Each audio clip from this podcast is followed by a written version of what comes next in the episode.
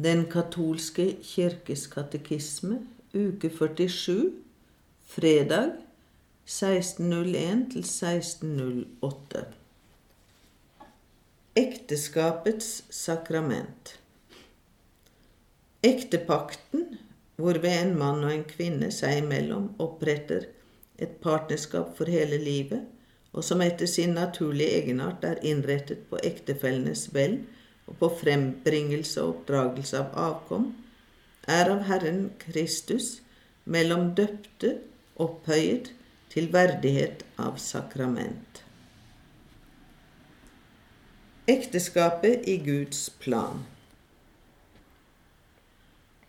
Den hellige skrift begynner med skapelsen av mann og kvinne i Guds bilde og likhet, og ender med synet av lammets bryllupsfest, åpenbaringen 19, 7 og 9.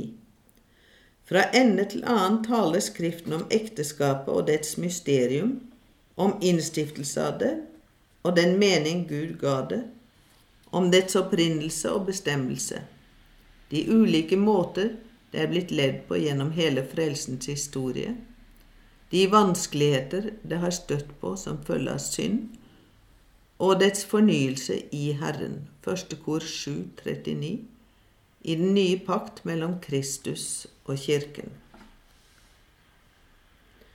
Ekteskapet i skaperordningen. Det intime livsfellesskap i kjærlighet er skaperen opphav til og lovgiver for, da Gud selv er opphav til ekteskapet. Kall til ekteskap er innskrevet i selve mannens og kvinnens natur, slik de er fra skaperens hånd. Ekteskapet er ikke en rent menneskelig ordning, til tross for de mange endringer det har gjennomgått gjennom århundrene i ulike kulturer samfunnsstrukturer og holdninger. Ulikhetene må ikke få oss til å glemme varige fellestrekk. Selv om denne ordningens verdighet ikke bestandig kommer like klart til syne, finnes det allikevel i alle kulturer et visst begrep om ekteskapets storhet. Så vel en enkeltmenneske som samfunnet er for sin trivsel meget avhengig av gunstige forhold i det ekteskapelige og familiemessige fellesskap. Gud, som skapte mennesket av kjærlighet, kalte det også til kjærlighet, ethvert menneskes grunnleggende og medfødte kall. For mennesket ble skapt i Guds bilde og likhet, han som selv er kjærlighet. Etter at Gud hadde skapt mann og kvinne, ble deres gjensidige kjærlighet bildet på den fulle og trofaste kjærlighet Gud elsker mennesket med. I Guds øyne er den god, ja, overmåte god. Og kjærligheten som Gud velsignet, skal bli fruktbar og virkeliggjøres i felles forvalteransvar for skapningen. Gud velsignet dem og sa til dem:" Vær fruktbare og bli mange. Fyll jorden og legg den under dere. Gensis 1,28. Skriften sier at mann og kvinne er skapt for hverandre. Det er ikke godt for mannen å være alene. Kvinnen, kjøtt av hans kjøtt, det vil si hans motstykke, hans like, hans fortrolige, blir gitt ham som hjelper. Hun utgjør den hjelp som kommer fra Herren. Derfor skal mannen forlate sin far og sin mor og holde seg til sin hustru, og de to skal være ett legeme. Gensis 2,24. At dette betyr at deres to liv nå utgjør en uoppløselig enhet, viste Herren selv da han minnet om hva Skaperens vilje var fra opphavet av. Altså er de ikke lenger to, men ett legeme. Matteus 19, 6.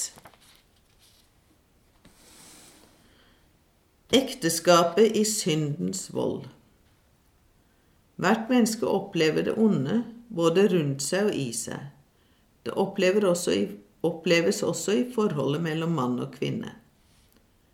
Til alle tider er enheten mellom dem blitt truet av kiv, herskesyke, utroskap, skinnsyke og stridigheter som kan utarte til hat og brudd.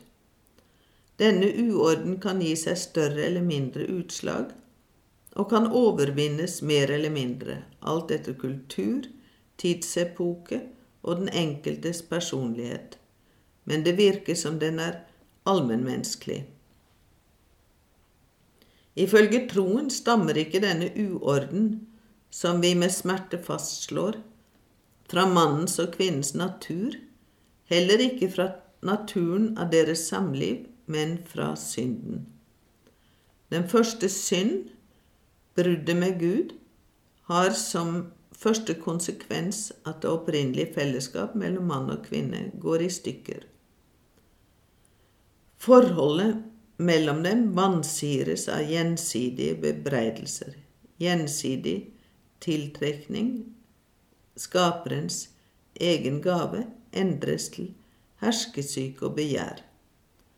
Mannens og kvinnens fagre kall til å være fruktbare blir mange og underlegge seg jorden, undergraves av smerten ved å føde og streve med å skaffe til veie det daglige brød.